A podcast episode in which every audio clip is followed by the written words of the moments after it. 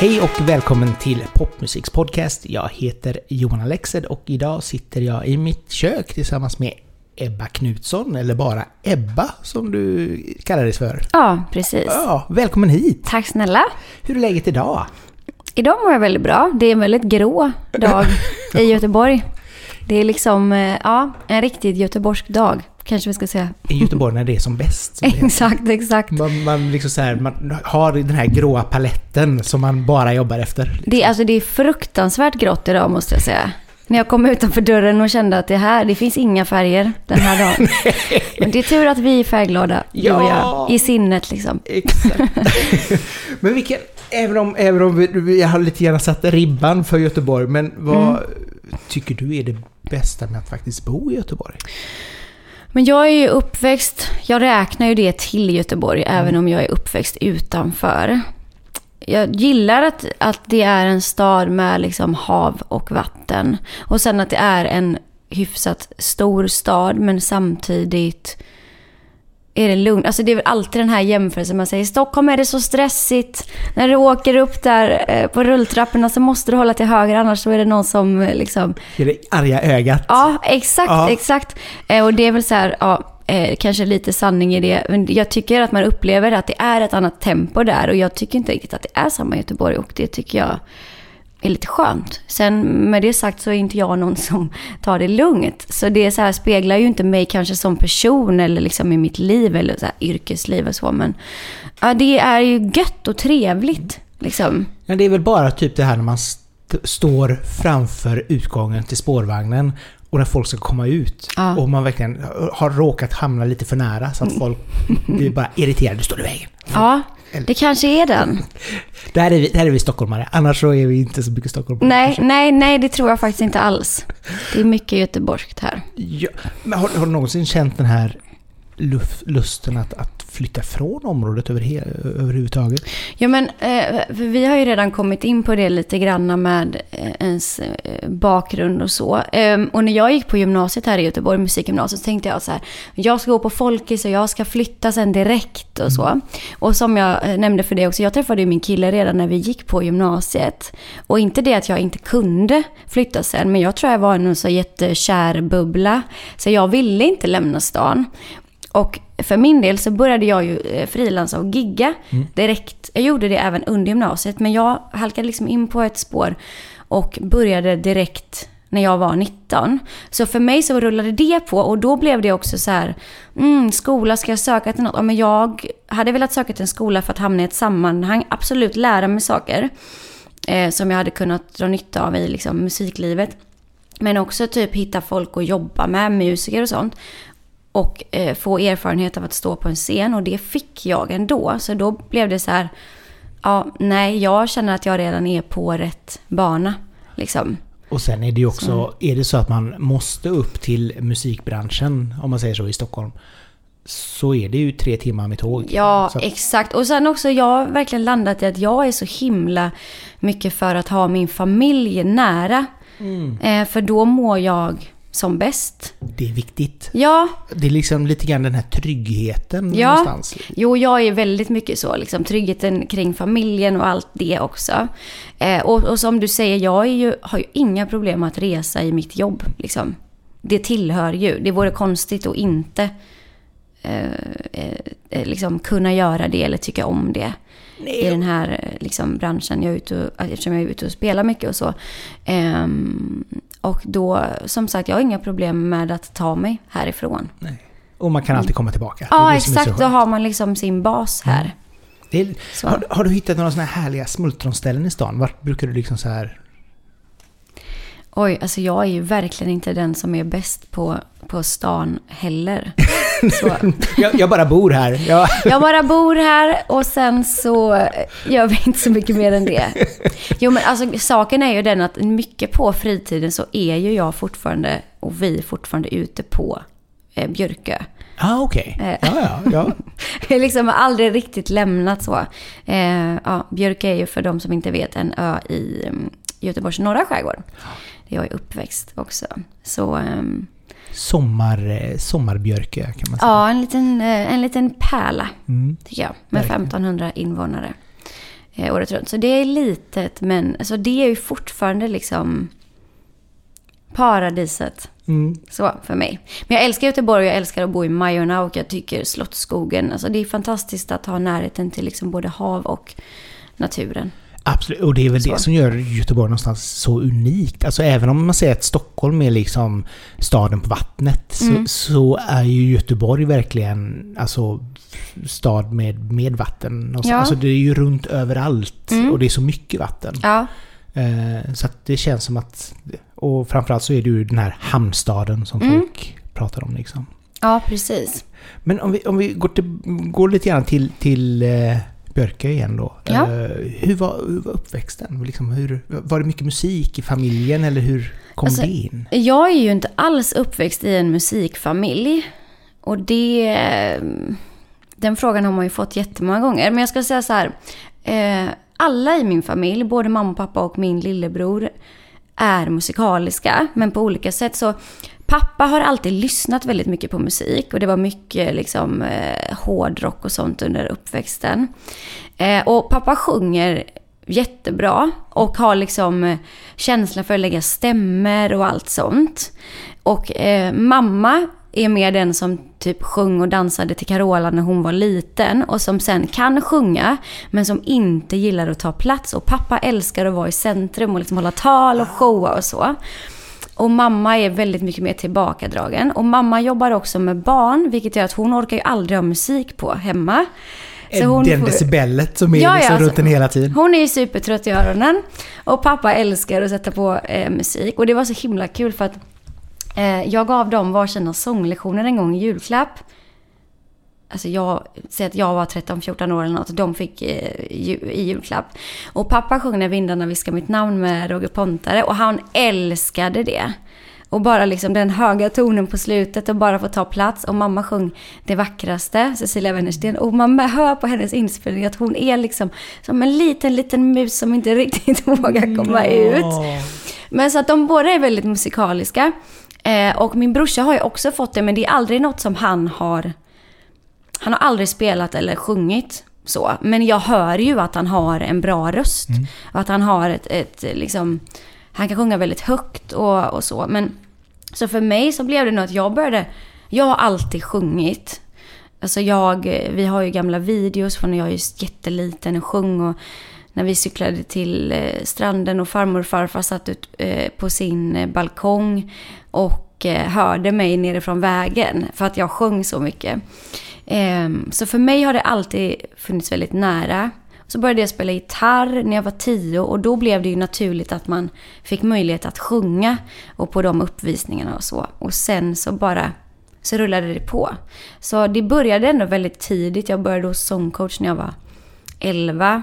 Och sen så blev det mycket tävlingar. Och så blev det musikgymnasium. Och sen så bara rullade det på liksom. Hur, hur var tävlingarna? Alltså hur är det att... Kan man, kan man tävla i musik? Ja, alltså... Nej men alltså jag tänker så här om, om eh, jag själv får barn i framtiden, vill man liksom utsätta sina barn för det? Och det låter, man kan ju, så här, man kan ju inte skydda sina barn från allt och det där är ju verkligen en, en grym skola. Men jag tycker också, om man jämför det med typ en lagidrott så är du alltid i laget. När du förlorar så gör ni det alltid som lag och när ni vinner gör ni det som lag. Men det här blir så individuellt och det blir så här väldigt tidigt redan Ehm, ja, men en känsla av att, så känner jag i alla fall, att jag måste vinna annars är jag, annars är det dåligt. Ah, Liksom. Man blir sån här tennisbarn fast ändå inte tennis utan Ja, sång. ja, precis. Och, och återigen, alltså, man, man formas ju av allting. Så jag är ju jätteglad att jag har gjort det och det har gett mig jättemycket. Men jag är en sån typisk eh, tjej som väldigt tidigt eh, hade, satte höga krav på mig själv. Och det blev ju... Alltså det blev ju väldigt mycket att parera både att man skulle vara liksom bäst i skolan och bäst på det. Så det var ju fantastiska år och många av dem som jag träffade där och också tävlade mot, det är ju många som är liksom framgångsrika inom branschen idag och sysslar med musik på olika sätt. Ehm, så det är mycket kontakter man tog med sig därifrån och jättemycket erfarenhet.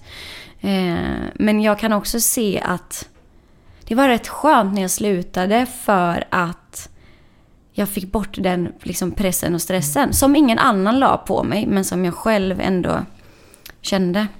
Men det, på något sätt. Det, det, kan jag tänka mig ändå är ganska svårt. Alltså just den här balansgången. För någonstans som du säger, man, om, om du tävlar i någonting så måste du hela tiden utvecklas. Du måste mm. hela tiden bli bättre. Ja. Vilket är en bra sak, skulle mm. jag väl säga. Eh, samtidigt så blir det ju den här, kanske som du säger, stressen, man, man får alltså, dålig självinsikt, man känner liksom att jag duger inte för jag vann inte, eller jag kom bara trea. Alltså det kan, bli, det kan bli en negativ spiral där också. Ja men man, alltså när du är 12, 13, 14, i alla fall jag. Jag kunde inte se skillnad på en prestation liksom på scen om man säger. Mm. Och jag som person. Så det är väldigt lätt att det går hand i hand. Och det gör det ju för många inom alltså, många, i många avseenden och branscher och allt möjligt så. Men ehm, ja. Nej, det är svårt. Det, det är en svår balansgång, absolut. Och just mm. som du säger, liksom det att det, det, är en stor skillnad på den du är och den artist du vill vara. Mm. För jag menar, det är ju jätte... Alltså tar du liksom Alltså Michael Jackson är väl ett grymt exempel på, på en person som alltid behöver vara artisten Michael ja. Jackson. Mm. Medan du ändå har liksom, eller de flesta kan, får vi säga också, mm. har möjligheten liksom att vara också personen. Mm. Men det är väldigt lätt det där att det blir så när man jobbar med någonting som också eh, är en själv, mm. om man säger så, när det kommer så nära en. För att det är så lätt att, att beblanda ihop det man gör eller det jag gör på scen med mig som människa. Och det har jag fått övat jättemycket på i vuxen ålder. Att skilja på. Så här, okej, okay, det kanske var inte mitt bästa framträdande. Eh, men det är helt okej. Okay. Det är good enough liksom. Eh, och det har inget att göra med mig som Nej människa. Liksom. Nej, och sen lite grann som du är inne på det här också, det här att, att en, när, när du är artist, du skriver ju från ditt perspektiv. Det blir mm. ju väldigt personligt på det ja. sättet. Och det är klart att om du vräker ur dig ditt hjärta mm. i någonting och så mm. kommer folk bara nej det här var inte så bra. Det är klart nej. att man blir lite grann så här, men det här är ju jätteviktigt för mig. Men det tycker jag är så skönt med att ha blivit lite äldre, att så här, Eh, inse att jag behöver inte få alla att tycka om mig eller tycka det jag gör är bra. För jag, om jag tycker det är bra och kan stå för det så spelar inte det andra någon roll. Sen vill man ju såklart att alltså om, om ingen tycker att det man gör är bra, då är det svårt att, att liksom hålla på med musik eller kunna tjäna pengar på det då, om man säger så. Men att eh, jag behöver inte tillfredsställa andra, utan som du säger, så här, det ska komma ifrån mig. Inte vad tror jag att andra vill att jag ska göra, Nej. eller vad förväntar de sig, utan jag gör det här för det är det som känns rätt för mig. Det är en sund inställning och framförallt en inställning som jag tror många kanske A&Rs och skivbolag behöver lära sig lite grann från också känns det som. Att ja. det blir mycket det här. Ja, nu måste du göra det här. Varför det? Ja, men så ska man göra. Ja. Punkt. Hopp.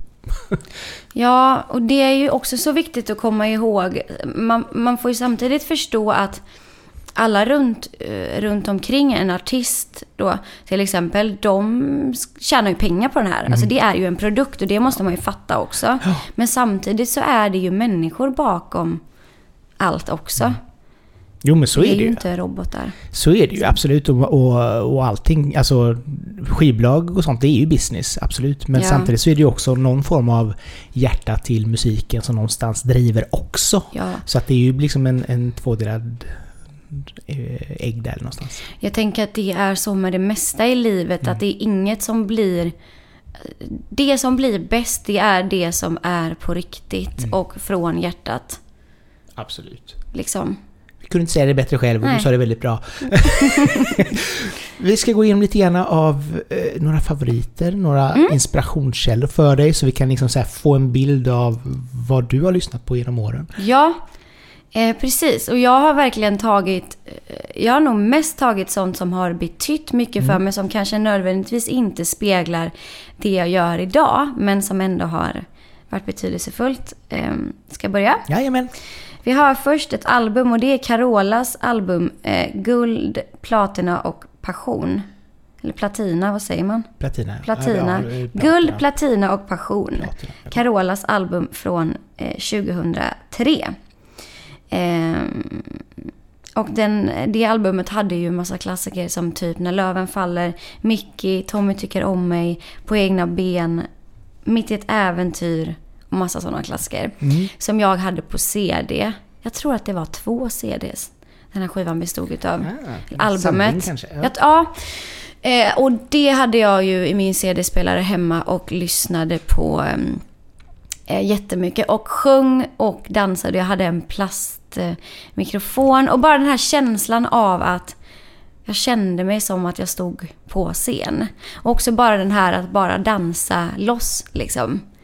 Hemma. Ehm, så det, Carola var verkligen någon som jag lyssnade på väldigt mycket. Som, eh, Ko- Kommer du ihåg hur du, hur du upptäckte henne? Jag tror att vi bara hade, vi hade hennes julskiva Mm. hemma också. Klassiskt julalbum. Ja. Eh, det känns ju som att hon bara har funnits med så länge. Eh, för väldigt många Mm. utav oss. Och kanske också många unga tjejer. Eh, så att eh, jag lyssnade väldigt mycket på henne och jag tycker hon är en grym sångerska. Hon är cool också för att det händer ju mycket i stunden. ja. Med henne, alltså det kan man Ja, ju minst sagt säga. Blommor kommer förande, Ja. varsågod. Du fick ett litet infall. Nej men det- som du säger, alltså den rösten hon har. Ja. eh, det, det, och hon är nog nästan en av de, kanske den enda, alltså superstar någonstans som vi har i Sverige. För att vi kan liksom så här, Ja. alla vet vem hon är. Ja, Och hon kan göra lite grann vad hon vill och alla Ja. bara, ja ja, det är Carola. ja. Vilket är fantastiskt. Ja, liksom. och också så ja men eh, där finns det väl delade meningar om vad folk tycker om henne och hennes röst och allt. Men jag tycker alltid att hon har varit en, en grym eh, sångerska. Mm. Det tycker jag verkligen att man får ge henne. Ja, ja, det, Många dunderhits. Ja, det kan man absolut inte ta ifrån henne. Liksom, för den rösten är svårslagen verkligen. Så att, underbart val. Vad- Ja, kul. Eh, nästa är eh, en låt som kommer att betyda väldigt mycket från eh, mina tonår. Och hur började jag ens sjunga den här låten? Jag minns liksom inte vad som, vad som kom först egentligen. Men det är i alla fall eh, You Raise Me Up och så är det Josh Grobans version. Eh, och jag sjunger den tillsammans med honom också. Oj! Japp. Inget som jag vill att ni ska söka på, det kan jag säga. Men eh, jag fick möjligheten att vara med i ett program som hette Kvällen är din på TV4 2011. Eh, och eh, fick äran att sjunga tillsammans med Josh Groban och just den här låten då. Eh, och min farfar var väldigt sjuk i cancer då. Och eh, var med på inspelningen fast det var världens liksom, projekt att få med honom upp till Stockholm. Och det var rullstolar och det var hela släkten inblandad och så. Ehm, och sen så sändes det på tv någon månad efter i maj. Och sen gick han bort i början på juli.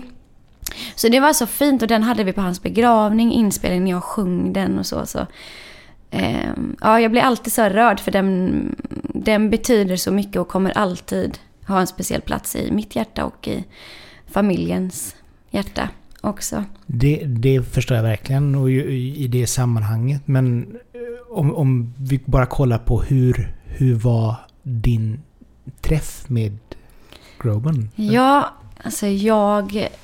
Men, jag var ju jättenervös innan. Eh, var jag verkligen. Eh, men samtidigt så förstod jag inte riktigt hur stor han faktiskt är. Heller. Eh, det finns någon intervju innan när vi liksom pratar och mina kompisar. Har, de har skrattat så mycket åt det. För det enda jag svarade är bara yes, yes, yes. Hela tiden. Jag var liksom... Ja, det var det enda jag höll mig till att svara. Det var liksom yes eller no. Eh, men sen när vi väl gick ut och sjöng tillsammans. Jag var så avslappnad och eh, bara där. Och det är kanske också en sån grej med att man ändå var van vid att stå inför folk. Ehm, det var väl kanske 300 pers på tv-inspelningen. Så det är ju ändå att man är i en lokal med mycket folk. Men det blir ändå helt overkligt när man sen ser det på tv och allt som blev efter det. Att typ så här hela högstadieskolan, att det var många, så många som skickade och liksom satt och tittade och det var så här, typ Aftonbladet, så här, liksom eh, löpsed. Alltså, ja, det var, det var stort. Kul. Då var det. Mm. Så det är en väldigt fin sak som jag bär med mig också. Den viktigaste frågan är kanske då hur var reaktionen från din farfar? Ja, men de var ju så, alltså de, både min farmor och farfar har alltid haft väldigt nära till gråt. Um, så att de grät väl. och hela familjen också. Um, men de var också så de blev intervjuade, alltså de var så naturliga i intervjuformatet. Det var också det var som att de inte hade gjort något annat. Härligt ändå. Ja. Alltså, alla har den här, eh, vad heter det, den här eh, linslusen i sig någonstans då. Ja, men Någonstans- då säger då min pappa som älskar att att stå, stå i centrum. Alltså han var ju så stel. Så det Jaha. tog de ju inte med mycket av. Det var när det verkligen gällde. Här hade du dina Ja. 15 minuter. ja men det, det är det. Det är ju något sånt. Det kan man ju själv också verkligen känna att eh, man vill ju, det är samma med en sån här intervju, att man vill att det ska kännas som att man ingen eh, gör sig till. Liksom. Men det är svårt att få folk som inte är vana vid att intervjuas eller eh, synas eh, inför kamerorna så att vara naturliga i det. Underbart. Men det var liksom så fint också för att han levde egentligen på övertid om man ska säga så. Ehm, så det kändes lite som att han ville vara med och uppleva det och sen var han liksom nöjd. Ja men, ja nej, jättefint. Ja. Efter Josh Groban. Om vi orkar gå vidare. Ska vi toppa det här? Min nästa låt är en eh, låt utav José González. Mm. Mm. Eh, som heter Heartbeats. Vet du vilka jag menar? Absolut. Absolut. Det är ju också göteborgare. Exakt. The Killers. Eller The Killers. The, the Knife. Eh, och eh, jag tycker att den här låten säger så mycket om det stora i det lilla. Om man kan säga så. För att eh, själva produktionen och allting, det är liksom, det är ingen kör, det är liksom typ eh, han sjunger och en gitarr. Men den, alltså den säger så mycket. Mm. Och den väcker så himla mycket. Mm. Och det var så stort också för att jag kollade på en serie som, ja men eh, One Tree Hill känner ju Mm, väldigt ja. många till. Och den var ju med i en scen där. Säsong fyra tror jag det var, sista. Den var en väldigt stark scen och den var med. Så att den väcker ju också så himla mycket gamla tonårsminnen. Mm. Som, som bara liksom, ja. Det är lite, man, vissa låtar man lyssnar på. Som bara väcker till liv något som inte alltid är så gött att känna. Nej, men, det, det, ja, det kan ju liksom ha varit så här jobbiga perioder. Man har känt sig liksom... Det har varit liksom tungt på olika sätt. Eller kanske olycklig kärlek eller liksom vad som helst så som... Man vill ändå gå tillbaka och lyssna på sånt där för att det, det ger en någonting. men visst är det, alltså just det här att, att få lite grann frossa i det miserabla. Alltså man, Ja. man är ledsen och så vill man bli jätteledsen. Ja. Och bara för att få ur sig den här känslan. Och då är den typen av musik bara fantastisk. Ja, men det tycker jag också är något av det stora med musik generellt. Att det förstärker ju våra känslor. För också en dag när vi är glada eller vill hamna i den känslan så kan vi sätta på den musiken. Ehm, Men såklart, det vi lyssnar på speglar ju mycket så vi mår. Och kanske också ibland att det vi lyssnar på får oss att må Absolut. på ett visst sätt också. Jo, men det är ju inte för inte. Alltså både film... Eh, alltså vi såg filmen Supernova igår. Ett, ett gaypar där den ena blev dement och Ja. väldigt tragisk berättelse. Mm. Men just det att man ser någonting och man känner någonting för att det berör en. Och det är ju Mm. samma sak med musiken. Att det är Mm. klart att den berör en. På, alltså antingen så blir man glad för att Mm. det är liksom... Ja, nå- någonting roligt liksom. Mm. Eller också så är det en text som verkligen bara slår en rakt i magen och man Ja. bara... Oh my god. Men det är så coolt också att man kan lyssna på en låt och känna att den här beskriver ju precis min situation. Mm. Man får en direkt connection till det. Ja, det är jättehärligt. ja. Alltså, och det är väl också det som gör att skriver man, som vi var inne på förut här, skriver man direkt från hjärtat, Mm. ifrån sina egna erfarenheter. Jag menar, man är ju sällan unik med sina känslor inför någonting utan många har ju samma känslor. Mm. Eh, vad det nu är, kärlek eller föräldrar eller vad det nu är. Ja. Och det gör ju att, att flera kan relatera till det man faktiskt skriver. Ja. Och då blir det ju också när man lyssnar på en låt där man verkligen någon sätter ord på Mm. ens tankar och man bara Yes! Ja. Här, jag förstår det precis. Liksom. Det är en sån magisk upplevelse. ja, det är det verkligen. Ehm, ja, men Ja. den låten är stark. Mm. Och den är en sån som jag tror jag kommer också bära med mig länge som jag lyssnar på nästan dagligen. Ehm, men det är också en sån låt som du kan lyssna på repeat 10, 15, 20 gånger. Mm. Du kan ha den i bakgrunden när du jobbar också. Bara hamna i liksom, även ett bra, ett bra mode. Ehm, Skönt. Ja. Ef- Efter José. Då kommer eh, en låt av ett band som jag egentligen hade noll koll på. Men det är en låt som heter Stubborn Love och bandet heter Lumineers. Och det är för att det är min och min killes låt och det är absolut ingen härlig kärlekshistoria. Men den bara blev våran låt direkt för att han hade lyssnat mycket på den och bara lyssna på den här, det här kan vara våran låt. Och som sagt, verkligen inte för att den speglar våran relation. Eh, För det hade nog inte varit en så härlig historia. Men eh, det är något med den som bara... eh, Ja, den blev våran låt och sen har den bara fått, fått fortsätta och, och vara det. Vad är det för, för något med den som tilltalar dig? Men delvis så tycker jag att sångaren är grym. Och det är otroligt mycket känsla i det han sjunger. Och sen så är det liksom mycket med dynamiken och de bygger upp låten. Och det gillar jag med den. Att den går liksom från att vara lite mer avskalad till att verkligen um, explodera. Jag tycker deras sound påminner lite om Mumford Sons också. Och de gillar jag också mycket. Känns liksom äkta och organiskt. Och... Folk, folkpop. Ja, Ja. Länge sedan jag hörde den låten. Måste nog ta och lyssna på den sen. Ja, gör det. Eh, Eh, och sist så har vi ett album. Mm. Så vi slutar och eh, började med ett album. och det är Satan i gatan-albumet. Veronica Maggio. Och eh, jag är ju långt ifrån den enda som känner något särskilt för det här albumet. Och eh, hon blev ju också så stor i och med detta. Det är ju så många hits som, eh, som verkligen håller i sig. fortfarande liksom. Ja! Vad, kan, vad snackar vi? År 2012? Ish. Tror jag. Ja. Ja, runt där. Eh, och jag kommer ju med på det albumet och det är fortfarande en av låtarna som jag tycker är roligast att spela live.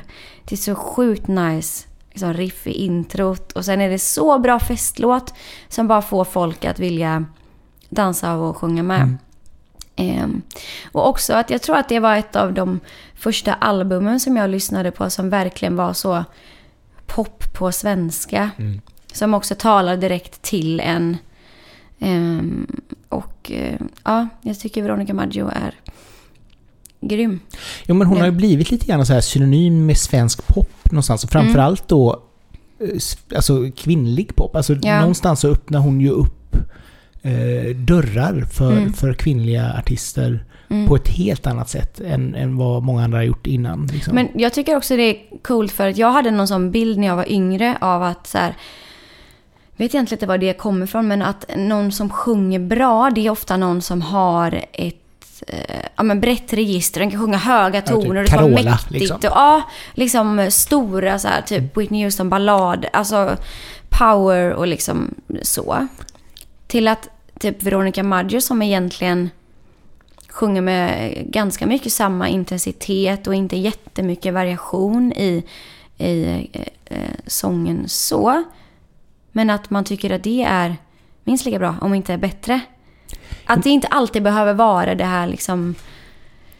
Eh, inte tillgjort ska jag inte säga, men du förstår vad jag Nej, men menar. exakt, man kan men- nästan pratsjunga Ja, och jo. det kan ge en mer än den som visar på eh, jättehöga toner eller jättemycket wailningar. Mm. Det be- du, du behöver inte bara komma från magen utan det kan komma från halsen ibland också. Ja. Eller hjärtat. Ja, precis. Ja. Och jag tycker hon är fantastisk. Så att eh, det är inget... ehm, Eh, noll procent negativt ur det, Mm. utan mer att hon var nog, som jag kan minnas i alla fall, en av de första som... I alla fall i den generationen som gjorde det på det sättet. Mm.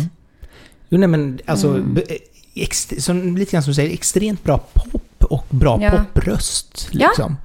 För det, det passar så bra till genren. Det värsta som finns det är ju liksom typ när det kommer någon musikalartist som ska göra Ja. pop och det bara låter liksom Defining Gravity som i och för sig är en fantastisk låt Ja. men det låter liksom bara så tillgjort som du Ja, säger. ja, exakt. Verkligen. Peter Jöback gör pop liksom. Man bara, ja nej. Nej men det där blir också så tydligt ibland att eh, man ska hålla sig till en viss genre. Ja men faktiskt, även om det kan vara kul att kanske göra någon gång ibland. Alltså Ja. bara testa sina vingar, absolut. Men, Mm. men det blir så, det blir så teatraliskt någonstans. När, Alltså det är precis det. Mm. Jag håller helt med dig. Det känns så tillgjort. Ja, men lite så. Liksom. Ja, Ja. Tack så mycket för att du delade med dig av detta. Varsågod. Det var underbar eh, liten eh, både nostalgitripp även för mig, så det Mm. var härligt. Eh, Men nu ska vi prata om dig och artisten Mm. Ebba. Ja. Som ABBA, fast Ebba. Hur tänkte du där? Versaler och nästan samma. ja, precis. Det är ju faktiskt en del som har frågat om det. Jag tror bara att jag landade i att jag ville inte heta både mitt för och mitt efternamn. För att då skulle det vara, återigen det vi pratade om, att så mycket blanda ihop sitt Mm. artistiska med mig som privatperson. Och då blev det rätt gött att så här, ja men jag heter bara Ebba. Jag vet ingen annan som kallar sig bara Ebba. Det finns det ju, om du söker på Spotify så finns det ju fler. Men det är liksom inte så... Eh, Carola, det finns ju redan. Ja, framförallt så vore det konstigt att säga jag vill också heta Carola. Ja, nej, men jag kan heta Ebba utan att jag förknippas med fem andra. Ja. Och jag måste inte lägga till ett till namn bara för att. Nej. Och jag behöver inte ta något artistnamn eh, heller som är helt annat som jag känner mig lite för ocool för att göra. Alltså, det här är ändå jag. Ja. Liksom. Och framförallt Knutsson hade ju nästan blivit dansband. Ja, alltså. Det är där jag hamnar sen. Bara Jag stänger vi hoppar på, in i Visex. sätter vi på Z på slutet och så bara Knutssons. Ja, precis. Eh, precis. Så då blev det Ebba. Eh, stora bokstäver kändes bara lite roligare. Framförallt så är det snyggt. Alltså jag älskar Ja. ju det här grafiskt, när Mm. det blir, funkar grafiskt. Och Ja. Ebba är ju liksom så här, det är fyra bokstäver. Ja. Det är klart att det blir snyggt. Det Ja. versaler. Det är kort. Det är lagom. Det är bra.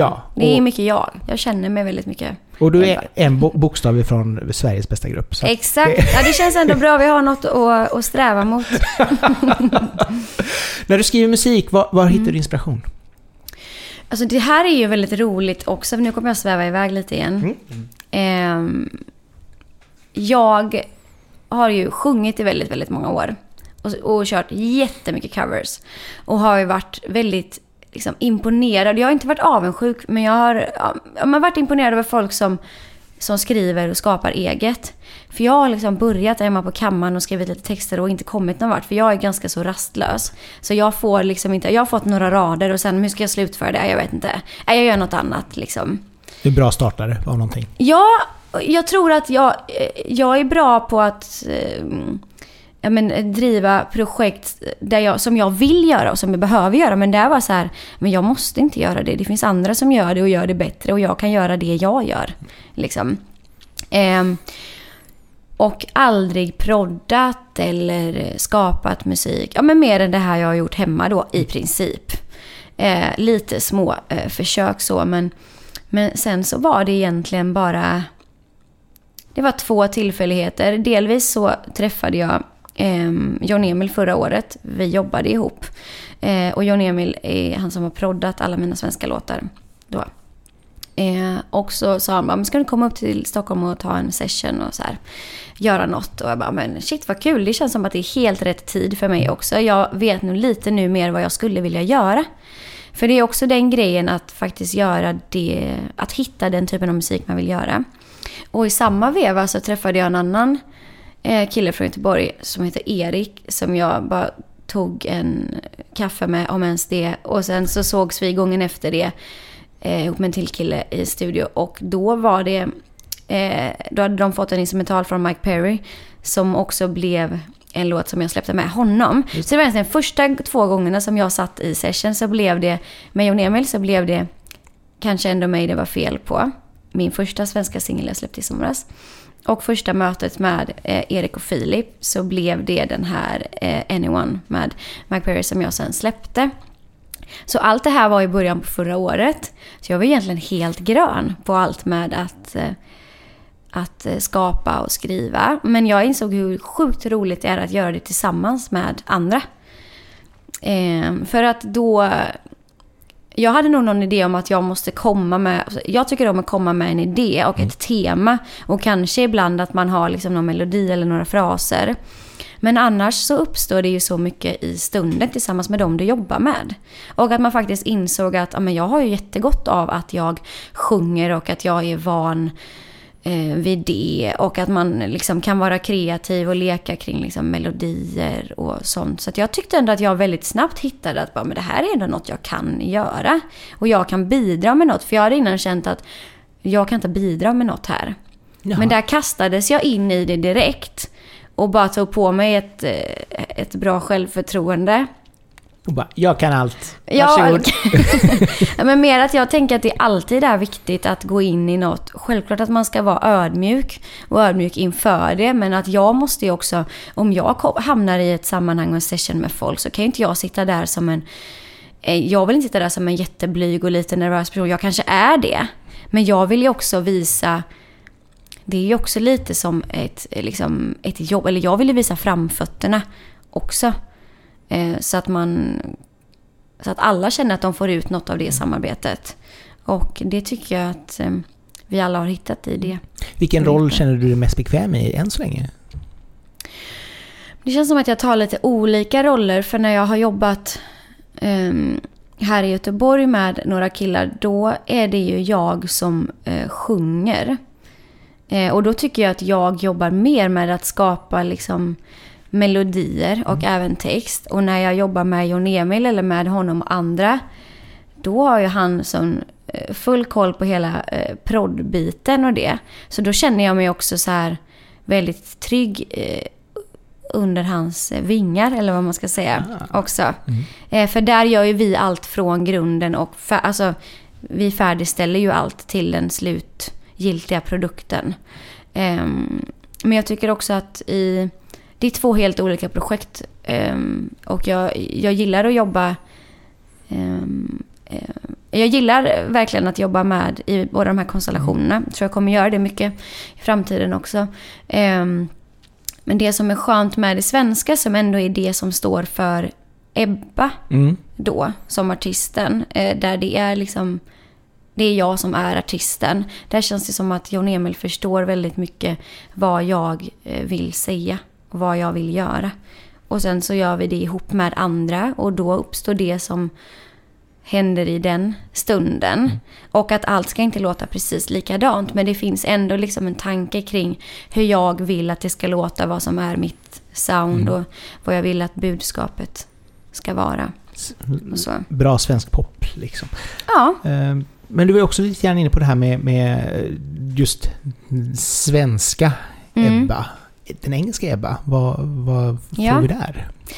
Ja, men det där är inte helt satt heller hur jag ska gå till väga eller vad jag tänker. Jag, jag, jag tycker att Benjamin Ingrosso är ett väldigt bra exempel där. För tidigare så har jag upplevt att det har varit mycket så här, du måste välja vilket spår du vill gå på och vad du vill göra. Medan Benjamin blandar ju hej vilt. Ja, Eh, och det tycker jag är så coolt för att det visar att det finns ju inget... Vem är det som bestämmer att du bara måste följa ett visst spår? Eh, så att e-, egentligen så var det tänkt och tanken är ju att Ebba är ett svenskt artistprojekt men att jag kommer göra vissa andra samarbeten som innefattar då till exempel eh, engelsk pop.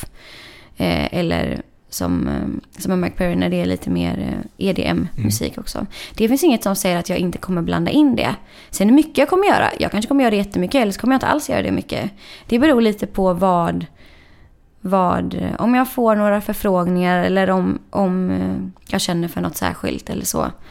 Så att jag gillar att tänka att jag, jag egentligen kan göra vad jag vill inom det namnet och i det projektet. Mm. Du, är, du är öppen för alla möjligheter så att säga. Ja. Och, och, som sagt var, skriver du en låt och den visar sig att ja, men det här blir bäst på engelska. Ja, då är det klart att man ska släppa den på engelska. Ja, precis. Men jag kommer nog fokusera mycket på det svenska. Ja, men det, det, det förstår jag. Men just Ja. det här att du ändå inte stänger några dörrar, det är ju skönt. Nej, absolut inte. Men sen gillar jag eh, min röst och mitt uttryck på svenska och att det blir så nära Mm. och naket. Liksom. Det är väl kanske det som är. Alltså när man pratar med folk som har sjungit på engelska mycket och sen Mm. går över till svenska. Mm. Just den här eh, övergången eh, verkar det som det är många som tycker är väldigt svår. För Mm. helt plötsligt så blir det liksom att säga I love you är ju liksom eh, vilket ord som helst medan jag älskar dig blir helt plötsligt otroligt starkt. Ja. Eller också att man inte kan ha liksom så här baby, baby. Alltså Nej, du kan inte nej, ha det här hittepå-ord utan du måste liksom bara ha substans. ja, Ja. precis. Men eh, jag lyssnar mestadels på svensk musik också. Så att... ehm, ja. Det, det kommer där. Mm. Eh, vad skulle du säga är, är Johnny Emils... Eh, för du har ändå samarbetat mycket med honom. Eh, hans, hans styrka för dig. Vad gör han som lyfter fram dig på ett bra sätt? Det är så många aspekter. Delvis så klickar vi så bra som vänner. Och det gör ju jättemycket. För att man spenderar ju så mycket tid ihop med människor som man, som man jobbar med på det sättet. Och även folk som man, man spelar med. Liksom. Så att eh, vi har väldigt, väldigt kul ihop. Och det är liksom en väldigt tillåtande miljö. Ehm, så eh, skämtsamt och mycket eh, också. Ja men det finns liksom både det sarkastiska och att vi kan prata liksom allvar och det djupa också. Så delvis att jag vågar vara eh, ärlig och öppen med honom. Och det skapar ju också mycket bättre och mycket mer ärlig och äkta musik också. Sen tycker jag också att han är så jäkla bra eh, eh, proddare. Ja. Och låtskrivare och så grym instrumentalist också. Alltså jag hade ingen aning. Han spelar alltid gitarr när vi är ute och, och spelar. Eller Mm. när jag har, har sålt in honom också så, så har jag vetat att det är gitarr. Eh, och sen så är han ju en gud på att spela piano också. Så att eh, alltså han kan ju det mesta. Han är sån här. Swiss Army Knife i studion bara. Jag kan göra det här och det här också och det här Ja, alltså det är en toppenkille. Ja. Bara på så många sätt. Vad mer ska man säga? Nej, nej, det, alltså det, du har sålt in honom perfekt här. Ja, precis. Nej, men det, det är Jag kommer inte ha någon tid över. Så, så nu har du ju förstört för dig själv för du kommer Japp. aldrig till att svara när Nej, han ringer. När du kommer ringer bli nästa gång. jäkligt dyr nu.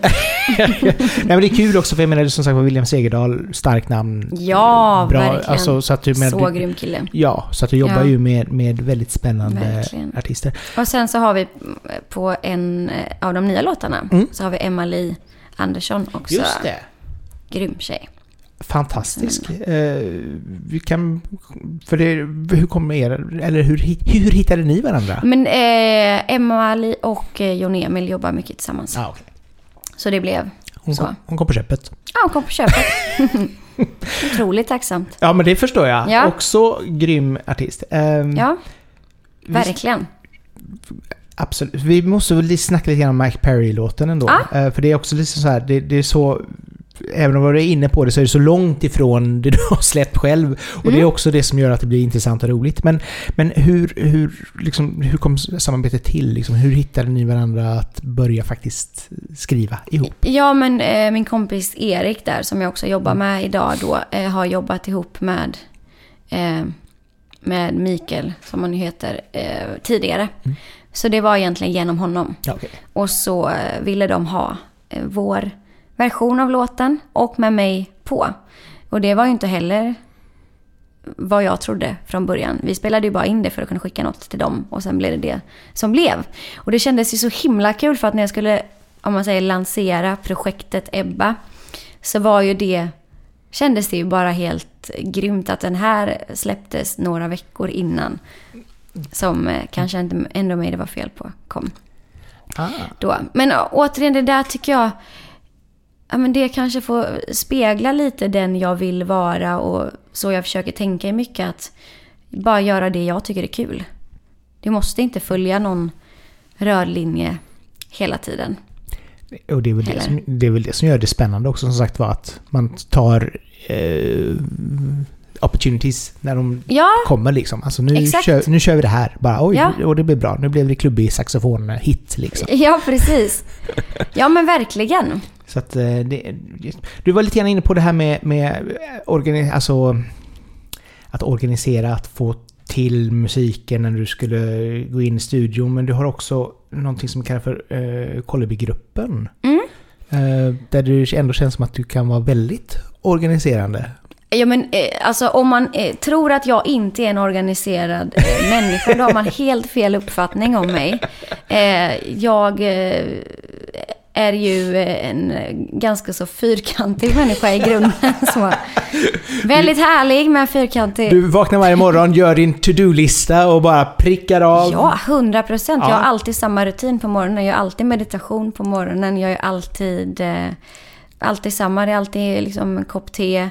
Jag har alltid en att göra-lista för varje dag. Alltså det, du skulle sett här, det är så här fredag, då är det de här punkterna imorgon. Alltid ledig lördag, söndag om jag inte giggar. Sen måndag, då har vi det här. Så att ehm, jag eh, har alltid älskat att hitta på eh, tusen olika projekt. Alltså allt från att jag var tio år och startade en bibliotek, eh, ett, ett bibliotek hemma. Och gjorde lånekort och sånt. Mest för mina vänner. Sen hade jag en Underbart. blomsteraffär. var ju lite grannar från blommornas, eller från grann, Det var lite blommor från grannarnas trädgård. Som jag sålde. Grym business. Tillbaka till dem. Varsågod. Exakt. Eh, så att jag har alltid varit väldigt påhittig. Mm. Så eh, det har nog eh, speglat den jag är väldigt mycket. Eh, och sen så började jag spela ihop med en kille som heter Marcus som är en av mina närmsta vänner och kollegor idag med. Eh, som sagt när jag var 19 år där. Det blev ju inget folkis så jag var hemma och var kär och började spela. Ehm, nej men och sen så hade han en idé om att dra igång det var just den grejen att han började känna att han fick ju gigförfrågningar som han inte kunde ta för att han redan var bokad. Det var grymt att kunna göra business på att boka andra istället då. Och så är det, eh, var det en kille till som var med från start som också är med nu och eh, frågade om jag ville vara med. Och eh, detta var fem år sedan och det har ju växt och faktiskt blivit jättestort idag vilket är väldigt, väldigt roligt. Så att vi bokar ju livemusik och DJs för restauranger, hotell men också eh, företag och privatpersoner. Men mestadels restauranger och hotell så vi har ett 30-tal olika ställen mest längs med västkusten Göteborg som vi jobbar med. Ja. Men också uppe i Vemdalen bland annat och så. Så att eh, vi spelar ju själva covers då, live, eh, lite överallt och bokar en massa andra grymma. Så det, ja, delvis så är det väldigt kul för det är ju ett ben att stå på. Och som sagt, där får jag vara väldigt strukturerad och eh, det kräver ju mycket eh, struktur och disciplin på det. För att det kan ju vara skitmycket bokningar och handskas med på, på en vecka och allt ska klaffa. Liksom. Ehm, men det är också väldigt, väldigt lyxigt att vara i den situationen att eh, få bokningarna och först kunna välja vad passar. Ehm, det ger ju en ännu mer frihet. Men, men hur var, hur var perioden eh, nu under pandemin för er? Ja, det var inte så kul kan man säga. Nej, det förstår jag. Det var ju absolut inte så mycket gig som rullade på. Men i och med att eh, både eh, det bolaget och vi som enskilda musiker om man säger så, så kom ju vi undan mycket för att vi spelar på restauranger och hotell och eh, är liksom inte stora namn där. Så att det var ju större artister som drabbades ännu mer av det. Men vi kunde tack och lov spela på en del ställen ändå. Men det var ju absolut, det var ju ett halvår där under eller sju, åtta månader där slutet 2020, början 2021 när det var de åtta restriktionerna. Ja, just det. När vi inte hade något att göra. Så att, eh, ja, en, blev, en var pappaledig, jag jobbade på förskola och jag vet inte riktigt vad man Det var lite lager och så. Med. Ehm, Ja, men det, ni var ändå kre- kreativa i, i eh, situationen som alla fick vara den perioden. eh, Ja. För att kunna ha saker och ting gående. Ja men absolut. Och sen efter, om man säger efter pandemin, om vi kan Mm. kalla det så då. ehm, förra året när det släppte restriktionerna och det så har ju vi haft helt galet mycket att göra. Kul! Det är jätteroligt, verkligen. Och, och det har liksom lite grann, du, du har hintat lite grann om det i, i hela intervjun, det här att du Alltså det här att man ser sig själv som ett varumärke, man förstår liksom att det handlar om pengar men det Mm. handlar också om att det ska vara roligt och Ja. man ska ha en passion för det. Mm. Men, så att det känns ju ändå som att du har liksom bra Alltså bra ekonomisk koll på, på hela branschen. Alltså just det här att ja, men man måste göra det här för att dra in pengar och Ja. det måste funka. Och att det inte bara blir åh men det vore kul att släppa lite musik. Nej, allt sånt, det som är nytt för mig är ju eh, allt kring liksom, eh, ja men så här procent på låtar, dealar, Ja. allt sånt där. Är, där är jag glad att jag, jag har folk runt om mig som har bättre koll på det, som jag kan bolla mycket med kring det. Men eh, att spela väldigt mycket live, det ger ju också andra förutsättningar för att kunna satsa mer på ett artistprojekt också, för att det finns liksom pengar i ens bolag till exempel som man kan välja att använda till eller investera i. Det är så. så att, ja, jag, eh, för mig har det alltid varit viktigt att göra det som jag tycker... Eh, det är så här, jag är väldigt, väldigt tacksam att jag så länge har kunnat göra det som jag verkligen brinner för och alltid ha en vardag som jag älskar.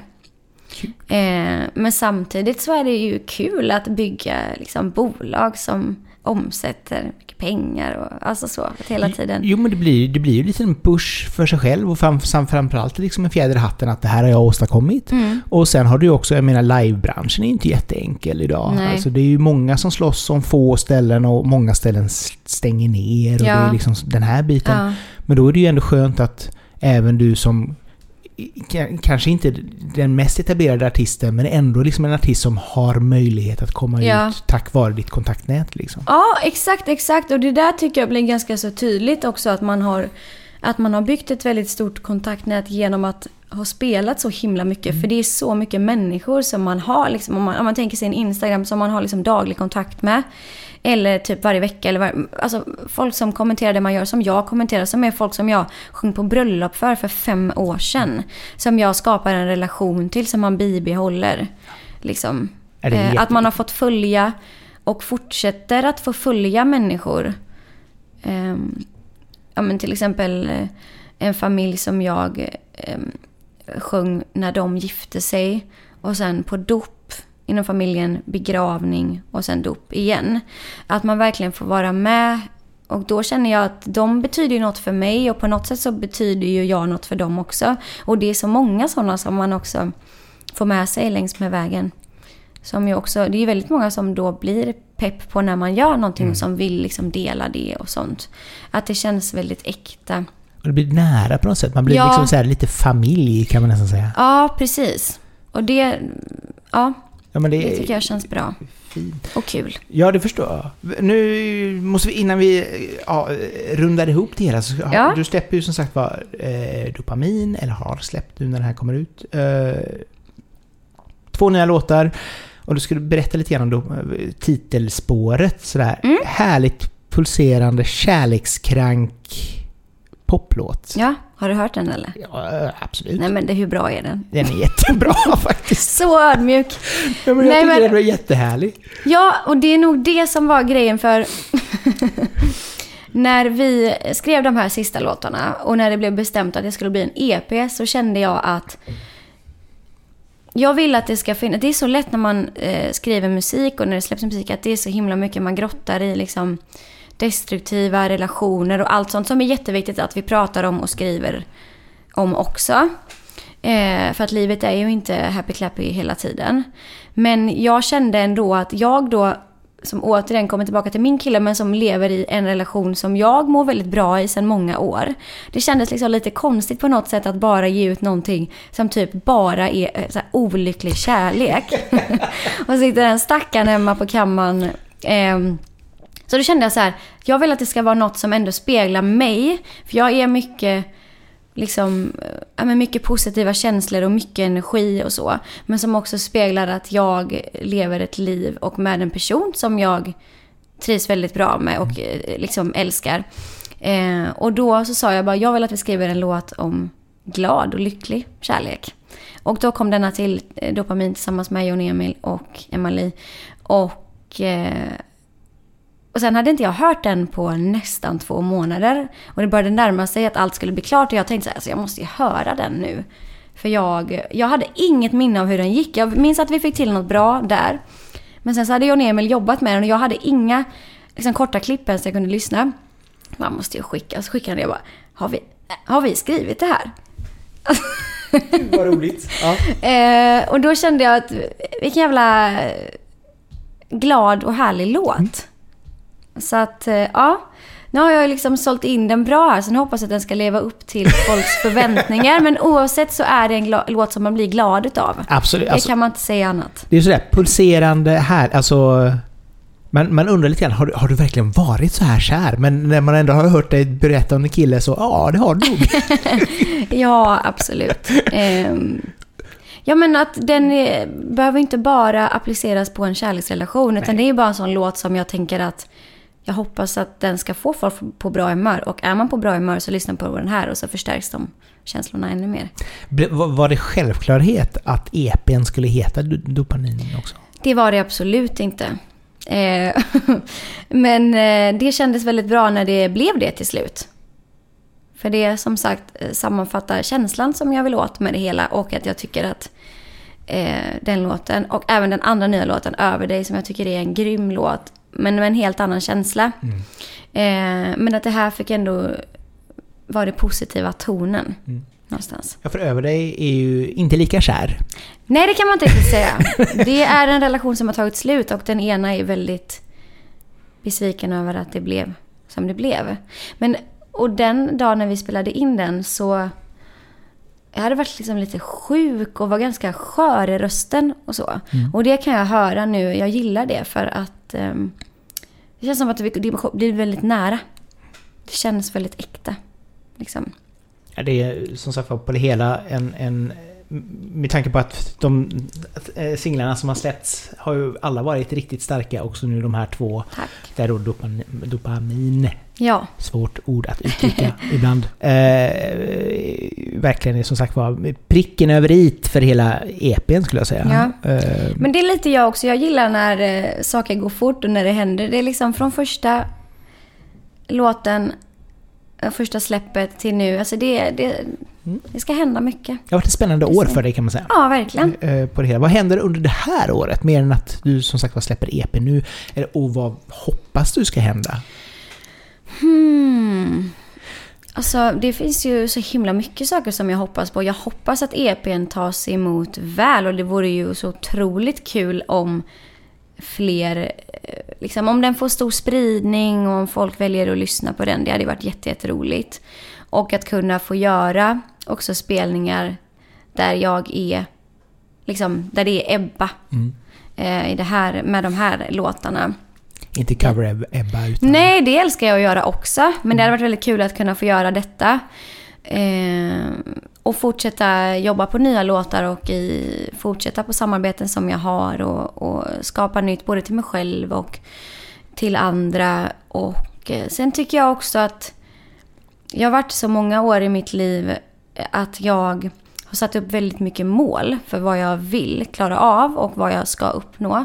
Och det har ju gjort att jag har tagit mig väldigt långt, eller ja, att jag har tagit mig till många ändå platser och uppnått många mål som jag skulle vilja. Eh, vid en ganska ung eh, ålder ändå. Men jag har landat väldigt mycket i senaste året att det är väldigt gött att bara få vara här och nu och uppskatta det som händer och vara glad för det. Och då tror jag också att man är lite mer öppen för att det kan ta massa olika vägar. Och att man hakar på. Man hänger på där det känns bra. Så jag tror det kommer hända en massa kul och härliga grejer. Liksom. Det, Du är, öppen, du är öppen för förslag att ta den här roadtrippen, Ja. eh, musikroadtrippen under året och bara, vart hamnar vi? Ingen aning. exakt, kom med förslag. Ja, Nej men lite så. Ehm, ja, och det är, väl, det är väl den inställningen man ska ha, både till livet och till sin karriär lite grann. Mm. Att det som händer, händer och blir det bra, då blir det väldigt roligt ja, exakt. faktiskt. Verkligen. Bra. Slutord. Underbart. Tack så mycket Ebba för att du tog dig tid att prata lite grann med mig och med lyssnarna. Tusen tack. Så mysigt. Här kunde vi suttit länge till. Det är lite grann tanken med att det ska vara så avslappnat och lite, Ja. lite fikakänsla. Det får bli en del två sen nästa år. Vad hände egentligen? Ja, exakt. Blev det så roligt som det Ja. blev? Eller kraschade de någonstans utanför Lerum. Japp, vi får se. Vi får se vad som händer. Till er som lyssnat, hoppas ni tycker det var trevligt. Dela gärna avsnittet till era vänner så att de också kan höra detta. Prenumerera gärna på podden så får ni nästa avsnitt direkt ner i er poddapp. Men från ett numera inte lika grått utan faktiskt snart soligt Eriksberg så säger vi tack och hej. Tusen tack. Det här är liksom också EPn. Det är positivt, det är glatt. Kommer solen.